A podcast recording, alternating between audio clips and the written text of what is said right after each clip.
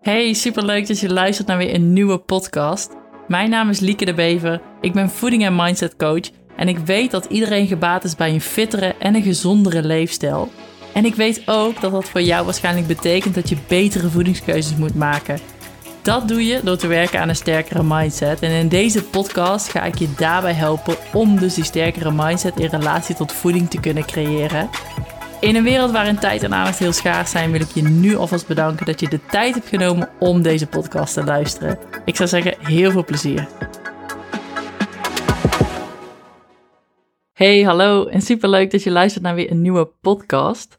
Als je mijn vorige podcast hebt geluisterd over doelen stellen en nou ja, mijn persoonlijke doelen voor 2021, dan weet je dat uh, deze podcast daar één van was. En daarom dus deze week ook weer een nieuwe aflevering.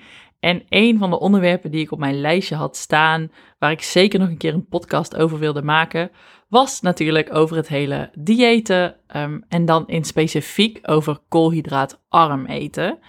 En ik wil diëten niet alleen benaderen vanuit het veelgehoorde perspectief van diëten werken niet en waarom dat dan precies niet werkt, want dat kunnen we inmiddels allemaal wel invullen. Maar ik wil juist ook even het aspect van diëten benaderen, waarom het wel zo goed merkt, vooral mentaal gezien, voor heel veel mensen om er toch elke keer weer aan te beginnen. Want dat is nu met de start van het nieuwe jaar, het start van 2021, eigenlijk tegelijkertijd ook wel weer heel relevant.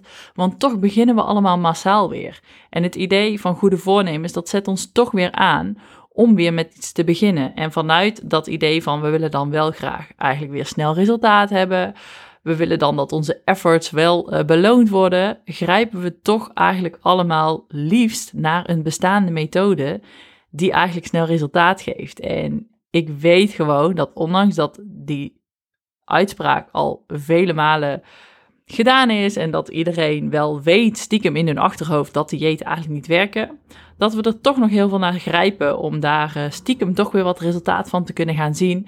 En om die reden dacht ik, weet je, laat ik het maar eens behandelen vanuit het perspectief van waarom streven we daar natuurlijk allemaal uiteindelijk wel naar? Want het begrijpen van bepaalde patronen en het begrijpen van waarom we daar naartoe trekken, als het ware, uh, geeft je gewoon heel veel inzicht in je eigen gedrag en waar je naar op zoek bent.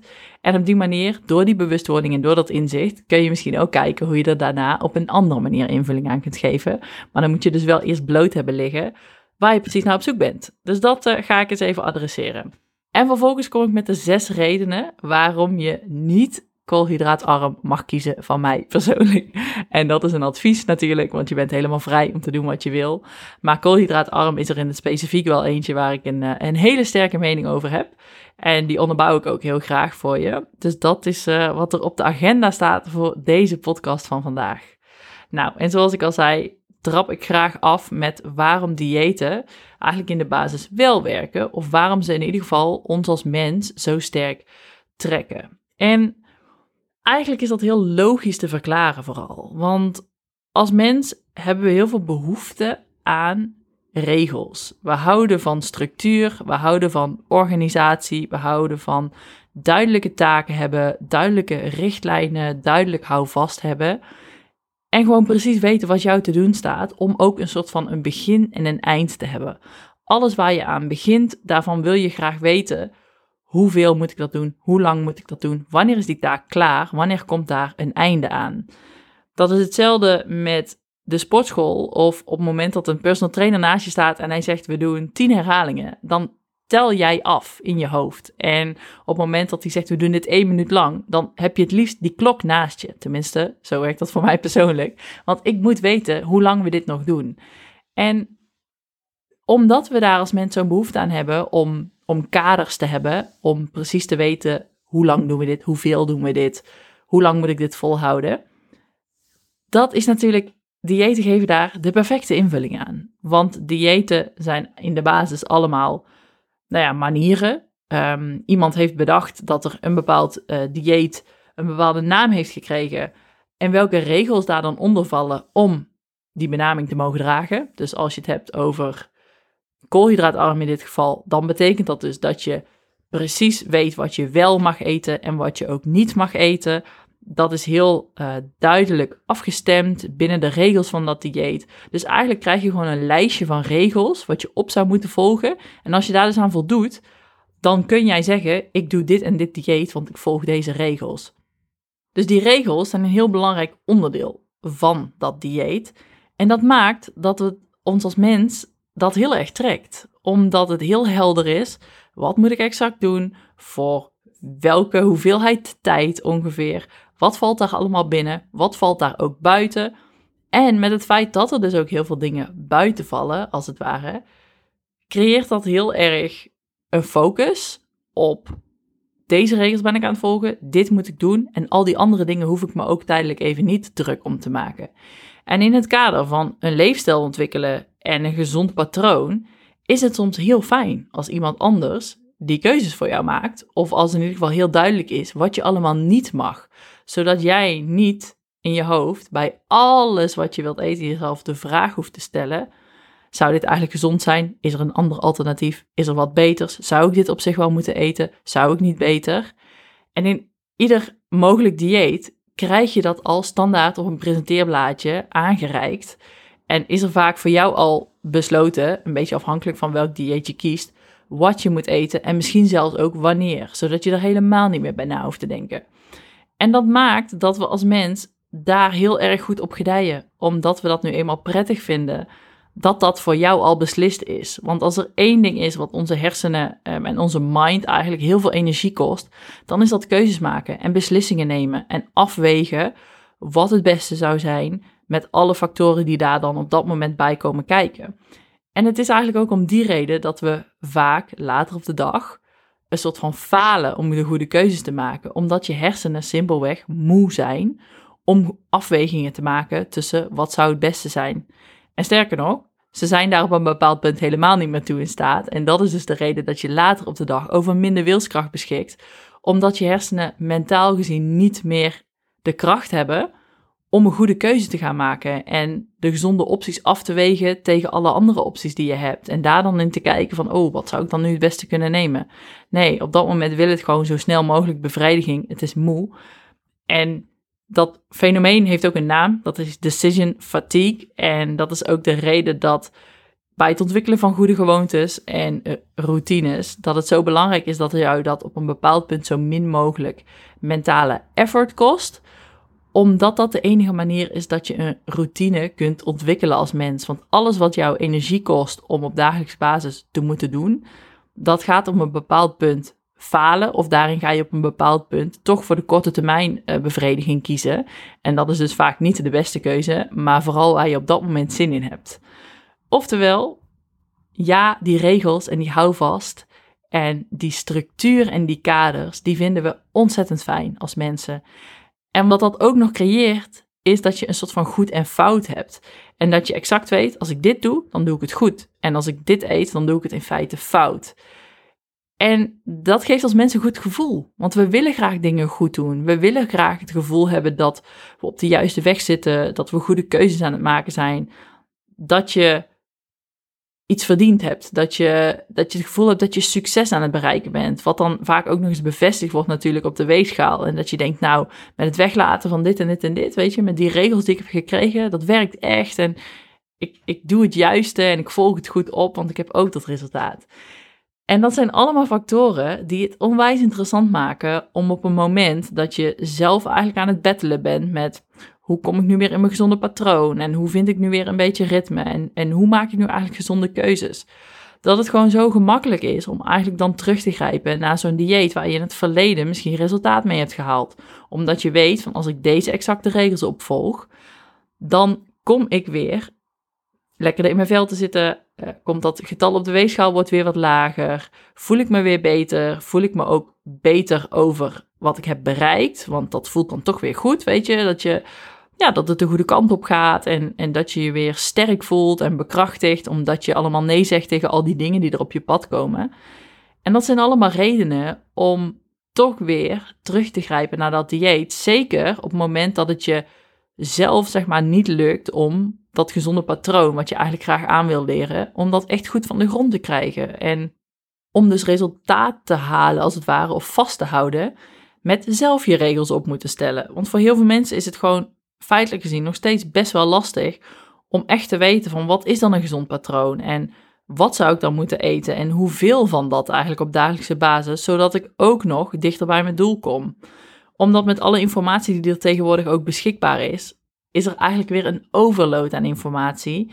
En kun je daarin vooral weer heel erg de weg kwijtraken van wat is dan juist en, en wat zou ik dan in mijn geval moeten doen. Waarbij we natuurlijk als Nederlanders eh, opgevoed zijn met dat hele schijf van vijf idee, waarin de overheid als het ware jou als toch nog een beetje richtlijnen en houvast wil geven, maar feitelijk gezien uh, geeft jou dat niet uh, de houvast en de richtlijnen die je nodig hebt om, om dat resultaat te behalen wat je wil. En daarin zijn eigenlijk ook nog veel te veel en vraagtekens um, en onjuiste informatie op dit moment waar je echt echt wat aan hebt op dagelijkse basis, om het zo maar even te zeggen. En het zijn een beetje die open deuren uh, die je zelf ook wel in kunt vullen. Maar op de een of andere manier komen we er gewoon niet toe om dat echt uh, structureel te doen, zoals meer groente en meer fruit. En het zijn ook niet echt natuurlijk de aantrekkelijke richtlijnen waarvan je denkt, oh ja, nou, dan ga ik dat, dan ga ik dat maar eens doen. um, dus dat, dat leidt er altijd toe dat we toch liever dat dieet volgen, wat er toch ook wel weer heel erg over nagedacht uitziet en ja, waar allemaal uh, goede resultaten van zijn. Waar misschien zelfs van wordt beweerd dat er allemaal hoge gestudeerde mensen aan meegeholpen hebben om dat dieet te creëren. Waarin ook nog nou ja, bewezen wordt van dit is echt de methode. En, en dat wordt dan natuurlijk versterkt door al die goede resultaten die je erover leest. Waardoor dat ook nog eens een sneller resultaat geeft. En, en op korte termijn jou gaat voorzien van dat waar je behoefte aan hebt. Ja, en 1 en 1 is 3 dan natuurlijk. Hè? Dus ik snap het heel goed dat we als mensen die neiging hebben en dat je toch weer terugvalt in dat patroon als het ware wat jou in het verleden resultaat heeft gegeven. Dus toch weer teruggrijpt naar die diëten in dit geval. Ondanks dat het je misschien op de lange termijn niet gaat helpen, maar dat is op dat moment dat jij die keuze maakt om toch weer ergens mee te gaan beginnen, is dat gewoon je zorg voor later. En dan denk je nee, maar deze keer als ik dat gewicht heb bereikt, dan kom ik er wel. En een tijdje zit je dan ook wel weer lekker in die flow en dan denk je, dit gaat goed. Totdat je natuurlijk een jaar later op de langere termijn weer exact op hetzelfde punt staat. En waarschijnlijk weer dezelfde keuzes gaat maken. Omdat je dan ook op korte termijn weer denkt, ja, maar dit dieet heeft me echt wel op weg geholpen. Oftewel, ik blame jou niet voor het feit dat je denkt dat in diëten toch nog steeds de oplossing ligt. Want daar ligt ook wel een oplossing, alleen gewoon heel tijdelijk. En het brengt jou heel tijdelijk wel weer naar dat resultaat toe waar je zo'n behoefte aan hebt. Dus hoe je daar precies komt, dat maakt in de basis eigenlijk niet zo, zoveel uit. De vraag is alleen, wat gebeurt er daarna? En dat is het punt dat heel veel mensen weer terugvallen, of terugstappen eigenlijk, als het ware, linea recta, in hun oude patronen. En dat zorgt er uiteindelijk weer voor dat je natuurlijk weer op je oude gewicht komt. Want als je exact dat doet wat je voorheen deed, uh, waarmee je je, zwaardere gewicht of uh, je grotere omvang uh, te pakken had, ja, dan is het natuurlijk wachten totdat dat punt weer bereikt is, waarna het hele circus weer opnieuw begint.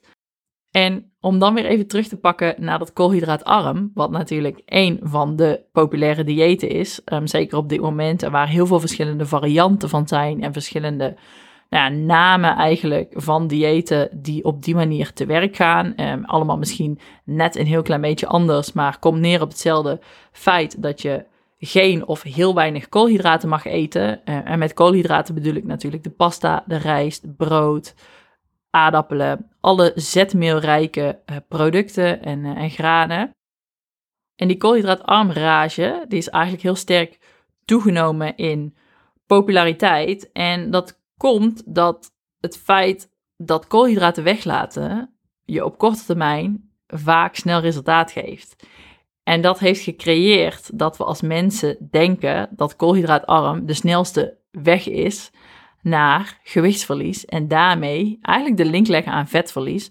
En dat is eigenlijk al de eerste fundamentele denkfout die we daar maken. En wat ik al zei, ik heb eigenlijk zes redenen waarom ik je niet wil adviseren om koolhydraatarm uh, te gaan eten, om weer even voor resultaat te gaan. Met het oog op lange termijn resultaat behalen en wat het op korte termijn eigenlijk voor je oplevert. En het eerste argument wat ik daarin eigenlijk aan wil voeren is meteen eigenlijk best wel een technisch argument. Um, als je een beetje wat weet van voeding, dan weet je misschien waar ik het over heb. Als je nog niet zo mee bekend bent, dan leg ik het graag eh, aan je uit. En dat is dat er drie grote groepen macronutriënten zijn. Dat is de koolhydraten, de eiwitten en de vetten. En de wetenschap zegt eigenlijk dat er twee daarvan essentieel zijn. Oftewel, twee van die groepen, en dan in het specifiek de eiwitten en de vetten, dat zijn groepen die essentieel zijn voor ons bestaan als mens. En dan heb ik het natuurlijk niet over water, want dat is ook wel een inkoppeltje natuurlijk, maar dat is ook geen macronutriënt. Vetten en eiwitten zijn de twee groepen die we als mens per se nodig hebben en die we binnen moeten krijgen via externe voeding dus eigenlijk, wat we, die we eten, om te kunnen overleven. En dat komt omdat eiwitten uiteindelijk de bouwstenen zijn eh, van onze cellen en van ons herstel.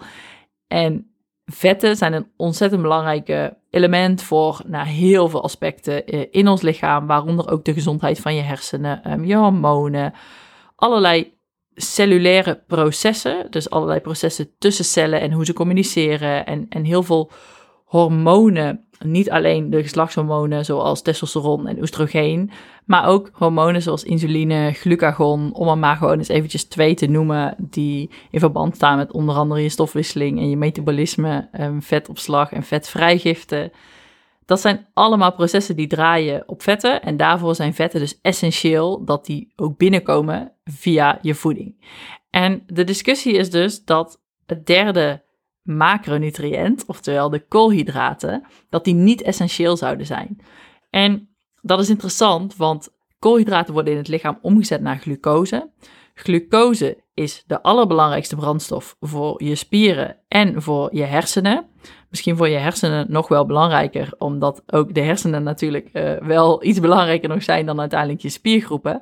Maar spieren draaien preferably op koolhydraten. Dus dat is hun voorkeursbrandstof om op te kunnen sporten. En nu weet ik dat je daarin ook de diepte in kunt gaan en een discussie kunt gaan voeren of dat zo is en of we niet ook op vetten kunnen sporten als, uh, als brandstof. Maar weet dat koolhydraten nodig zijn om explosieve kracht te kunnen creëren. Dus dat betekent sprintje trekken, uh, springen.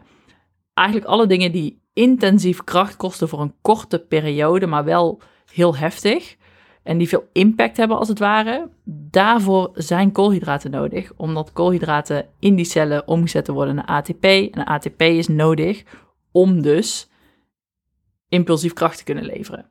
En koolhydraten zijn daarin dus super belangrijk. En die glucose, die dus ontstaat uit koolhydraten op het moment dat het verteerd wordt, die glucose is ook de belangrijkste bron van brandstof voor onze hersenen. Onze hersenen draaien en functioneren als het ware op glucose.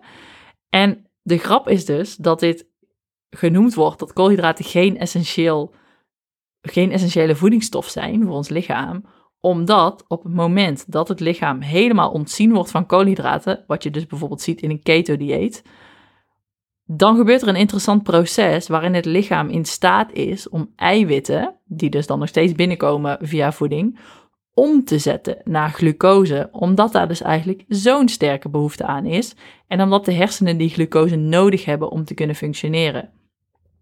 Oftewel, als je het aan mij vraagt, zijn koolhydraten misschien wel de allerbelangrijkste nutriënt, zo belangrijk zelfs dat op het moment dat het niet binnenkomt vanuit voeding in het lichaam, dat het lichaam wel een weg vindt om die glucose beschikbaar te kunnen maken aan in ieder geval je hersenen. Want je hersenen kunnen niet zonder glucose. En dan wordt er dus eigenlijk zo'n stap gemaakt door je lichaam dat het hoe dan ook zal zorgen dat het die glucose heeft. En in mijn opzicht is dat alleen al gewoon zo'n belangrijk ding om je te realiseren dat koolhydraten uitsluiten uit een gezond leefstijl, dat dat in de basis al fundamenteel niet oké is, omdat je lijf daarmee zal zorgen dat het, dat het een bepaalde vorm van glucose uh, beschikbaar zal hebben voor de essentiële processen die er plaats zullen moeten vinden en om jouw hersenen gewoon ja, up and running te houden als het ware. Dus dat vind ik een super belangrijk argument in deze hele discussie. Dus alle diëten, alle mensen die daar wat over te zeggen hebben en alle uitspraken die je daarover hebt gehoord, dat, dat koolhydraten, dat ze misschien niet nodig zijn of weet je, dat ze, nou, wat voor reden ze dan ook aanvoeren om, om koolhydraten eigenlijk uit te bannen of jou te overtuigen dat je het beste koolhydraten zou kunnen schrappen voor je resultaat, die zijn gewoon fundamenteel niet waar. En misschien is dat mijn manier om dat uh, te bewoorden dat dat niet waar is. Want ik al zeg, wetenschappelijk gezien uh, wordt dat ook bevestigd dat ze niet essentieel zijn. Maar als je het logisch gaat benaderen en een meer praktische aanpak neemt, dus wat in de praktijk, uh, als je er op die manier naar gaat kijken, dan zijn ze dus eigenlijk zo essentieel dat dat wetenschappelijk gezien aangetoond wordt dat we ze zo hard nodig hebben dat het lichaam ze dan zelf wel gaat creëren. Oftewel, ik vind dat je er van, vanuit dat perspectief ook naar mag kijken. En dus kan denken van, hmm, misschien zit daar dus toch wel wat in dat we die glucose wel nodig hebben. En dat koolhydraten het niet, ons niet per se dik maken. Maar dat het meer gaat over welke koolhydraten eten we en vooral hoeveel daarvan. En de tweede reden die ik vervolgens wil noemen waarom het niet logisch is om koolhydraatarm te eten, is wat eigenlijk in relatie komt met wat ik net al heb gezegd, dat het een ontzettend belangrijke brandstof is ook voor je spieren. En sportprestaties en eigenlijk jouw kracht uit jouw lichaam komt voort vanuit het feit dat er glyco, glucose in de spiercel wordt opgeslagen en dan krijgt het een andere naam, want dan wordt het glycogeen genoemd. Maar die koolhydraten in de spiercel, die zijn nodig om kracht te kunnen leveren. En ik kom uit de fitnessindustrie. Ik heb een werkverleden in de fitnessindustrie, waarin we als voedingsdeskundige werkten uh, voor mensen die veel fitnessten, die daar een bepaald resultaat wilden halen. En dan spraken we altijd over spierspanning. En dat had alles te maken met het feit van als je naar iemands lichaam kijkt, hoe goed dan wel afgetraind staat diegene zeg maar voor jou. En daarin speelt spierspanning een hele belangrijke rol. Want spierspanning maakt dat je spieren ook zichtbaar zijn, dat ze volume innemen als het ware. En dat ze eigenlijk dus ook er krachtig zeg maar en sterk uitzien. En op het moment dat iemand heel weinig koolhydraten in zijn systeem heeft, dan noemen ze dat ook wel depleted. Oftewel helemaal een soort van leeg getrokken als het ware. En dan moet je dat een beetje zien alsof een fietsband die niet op spanning is zo kun je dat eigenlijk herkennen ook in het lichaam. En dat gaat natuurlijk om de details, maar in de basis snap je hiermee wel wat ik bedoel. Dat op het moment dat iemand genoeg koolhydraten eet, dat die spieren gevuld zijn, dat iemand er krachtig uitziet, dat maakt dat iemand ook goede prestaties kan leveren. En koolhydraten zijn dus nodig om die spieren op te kunnen vullen en daarmee een stukje slagkracht te kunnen leveren, als het ware, voor die fysieke prestatie die op dat moment nodig is. En daarmee wil ik eigenlijk meteen ook de overstap maken naar reden 3 waarom het niet logisch is om koolhydraten te gaan schrappen. Is omdat heel veel mensen zeggen: ja, maar met koolhydraatarm verlies ik lekker snel gewicht. En nu ik dat verhaal uit heb gelegd van glucose die opgeslagen wordt in de spiercel als glycogeen, wat dus in de basis koolhydraten zijn, ga je ook snappen dat op het moment dat je minder koolhydraten gaat eten, dat die voorraadjes in je spiermassa, die worden aangesproken. Want zoals ik net zei, heeft ons spiermassa heeft glucose nodig, maar ook onze hersenen.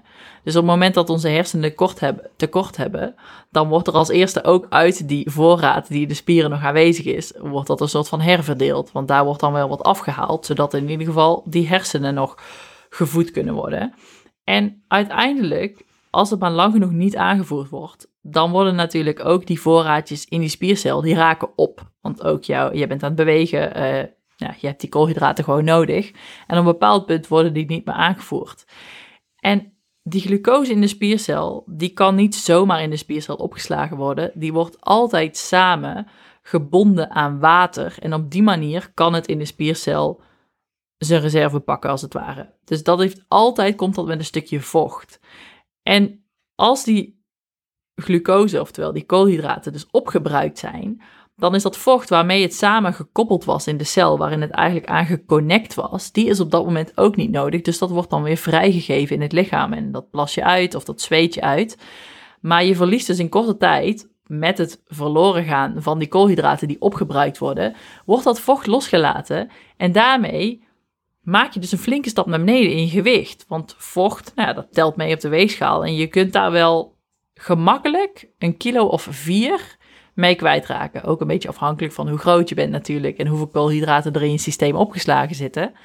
Maar het kan zomaar eens zijn dat jij denkt, natuurlijk, psychologisch gezien, van hey, dit gaat hard, weet je, dit werkt lekker voor me, dit uh, werkt lekker motiverend, want uh, goh, dit, dit schiet al op. Je denkt zelfs ook dat je het al een beetje voelt uh, in je omvang en in je kleding die al wat lekkerder begint te zitten en dan denk je, nou, dit, dit zet wel lekker zoden aan de dijk.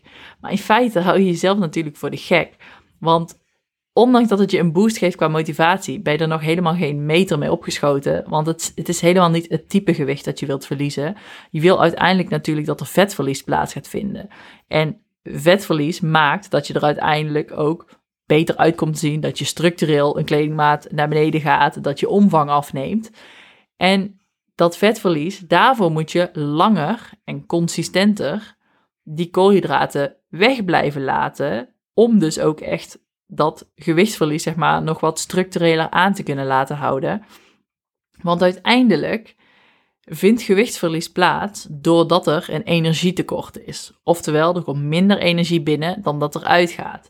En dat is de leidende regel als je het hebt over ik wil gewicht kwijtraken. En hoe je dat doet, maakt het eigenlijk niet uit. En koolhydraatarm heeft daarmee eigenlijk een claim gemaakt dat dat de beste manier zou zijn. Maar uiteindelijk, hoe je het ook, hoe je er ook invulling aan geeft, maakt niet uit. Als je maar lager uitkomt qua getal, qua inname, dan dat er aan het eind van de dag verbrand wordt.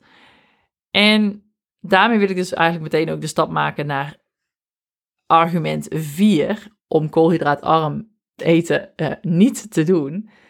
En dat is uiteindelijk dat als je gaat kijken naar wat levert het lichaam nu het makkelijkst minder energie op, dan zijn dat eigenlijk de vetten. Want koolhydraten, per gram koolhydraat, leveren die 4 calorieën. En als je gaat kijken naar de eiwitten, dan is dat idem. Dus die leveren ook 4 calorieën per gram eiwitten. En wat houdt er nou precies in? Dat op het moment dat je bijvoorbeeld een suikerklontje in je hand hebt, dat is 4 gram, dat zijn pure koolhydraten, want dat zijn suikers. 1 gram is 4 calorieën, oftewel 4 gram suikers of koolhydraten. 4 keer 4 is 16 calorieën. En zo kun je dat berekenen. Dus op het moment dat je minder koolhydraten binnenkrijgt, dan gaat dat dus per 4 calorieën per gram, um, creëer je als het ware een tekort.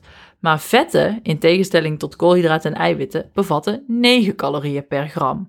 Oftewel, 1 gram vetten is goed voor 9 kilocalorieën als het ware.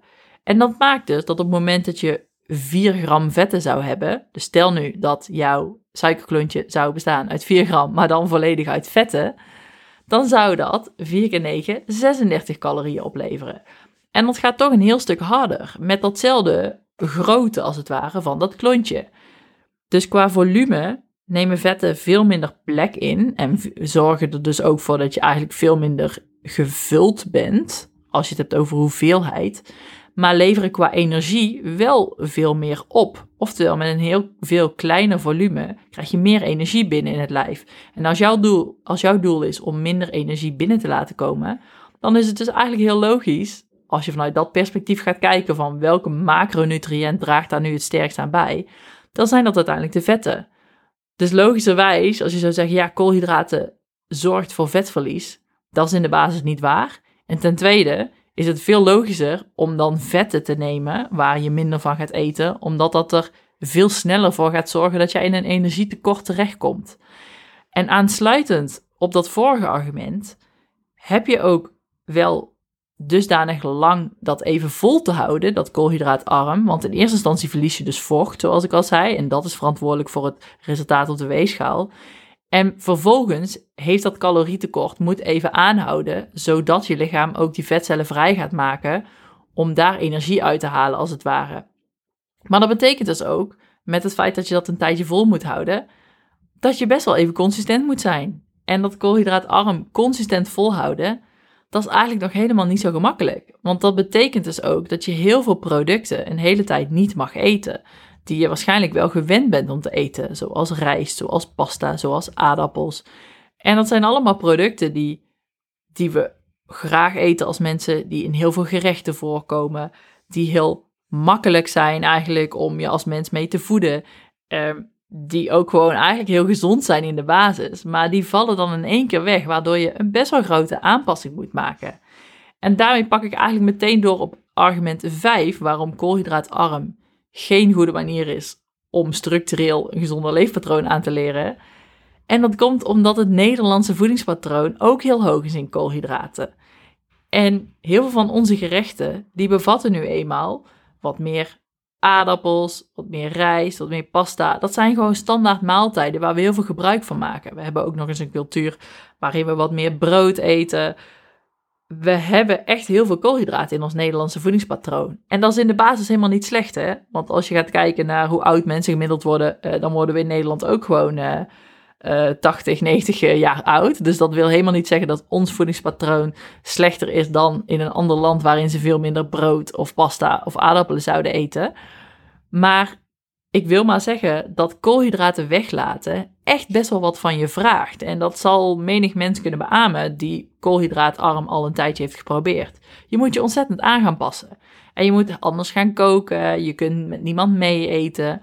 Eigenlijk raak je daarin een beetje sociaal gedistanceerd. En dat is prima voor zolang dat de beginnersmotivatie duurt. Want dan ga je nog goed, weet je, dan heb je er helemaal... Uh, ja, helemaal zin in. En uh, dat uh, gewichtsverlies, uh, die 4 kilo vocht die je al kwijt bent, dat helpt natuurlijk ook mee. En je zit er lekker in en je communiceert het misschien ook aan anderen. En die steunen je dan ook nog, weet je, dan gaat het allemaal goed.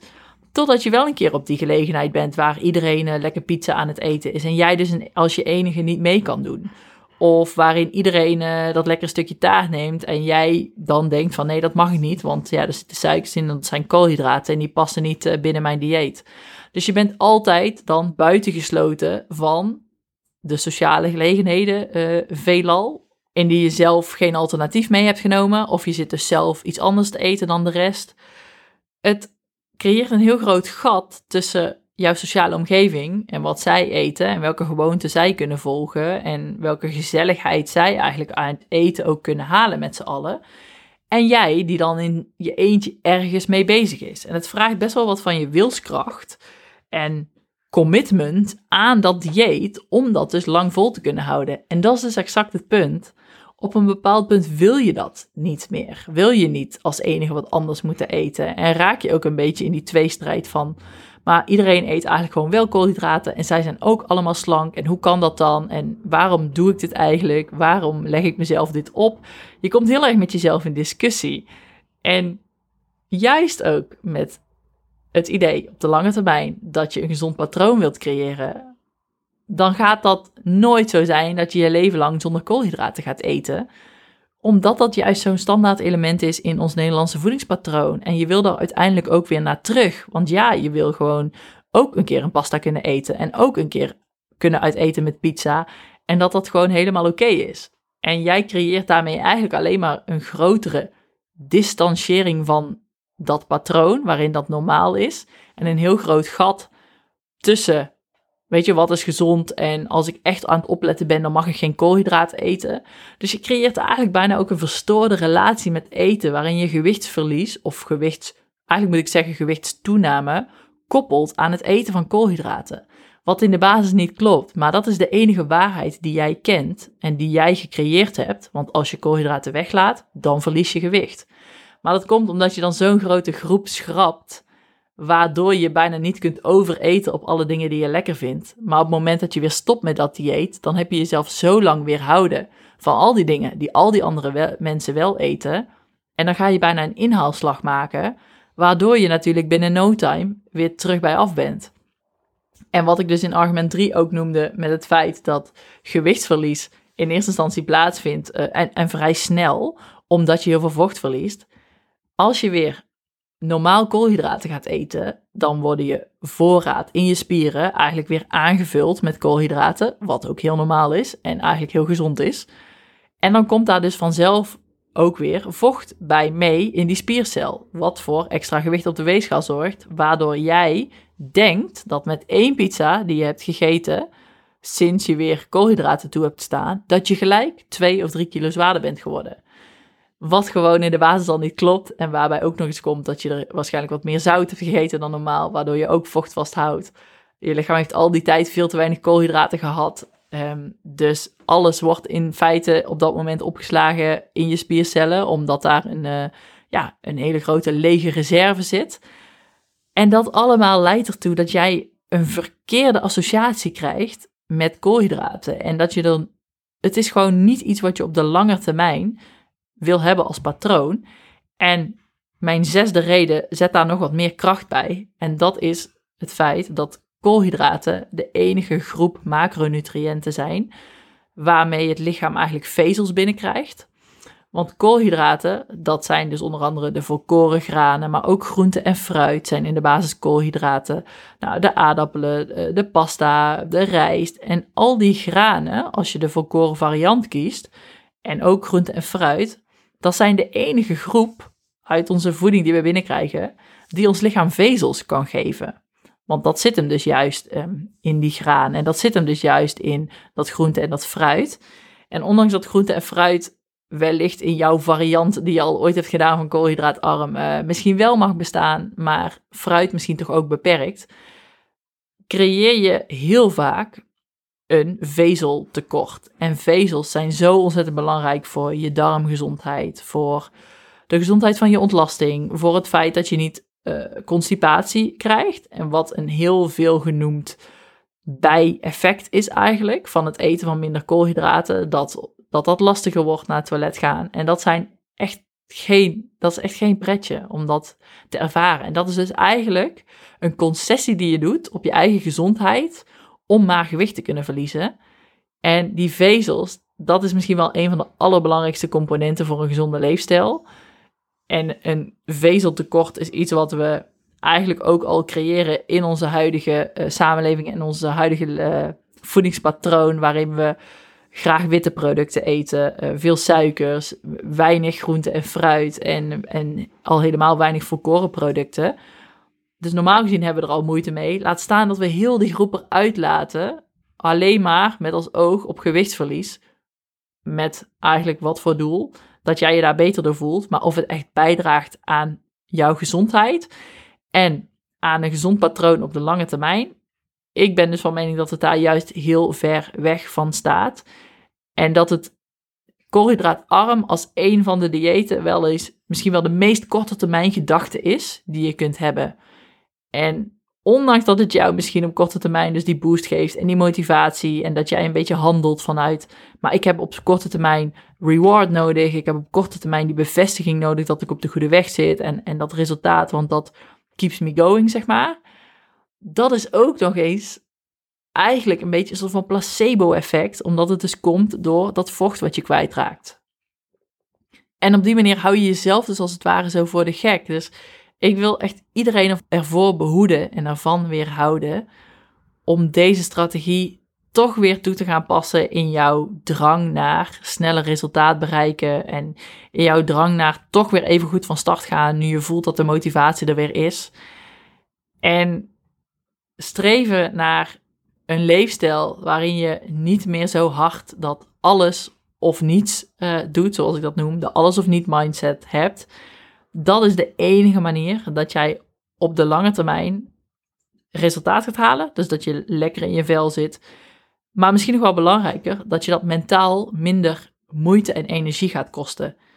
Want dit gaat goed voor de time being, totdat het punt komt dat het eigenlijk weer eventjes wat minder goed gaat. En dat de negatieve kritiek naar jezelf daarbij komt kijken.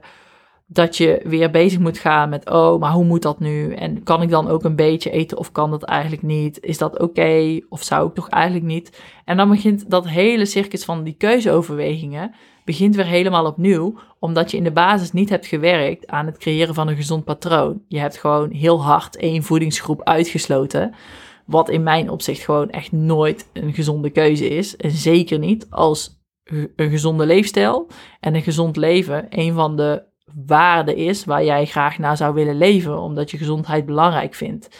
En ik denk als je naar deze podcast luistert, dat dat voor jou wel het geval is en dat dat een van de dingen is die je uiteindelijk belangrijk vindt in het leven. En dan wil ik je bij deze alleen maar bevestigen dat koolhydraatarm eten een hele korte termijn gedachte is. En heel erg op een soort van uiterlijk resultaat gefocust, maar niet op echt gezondheid in de kern.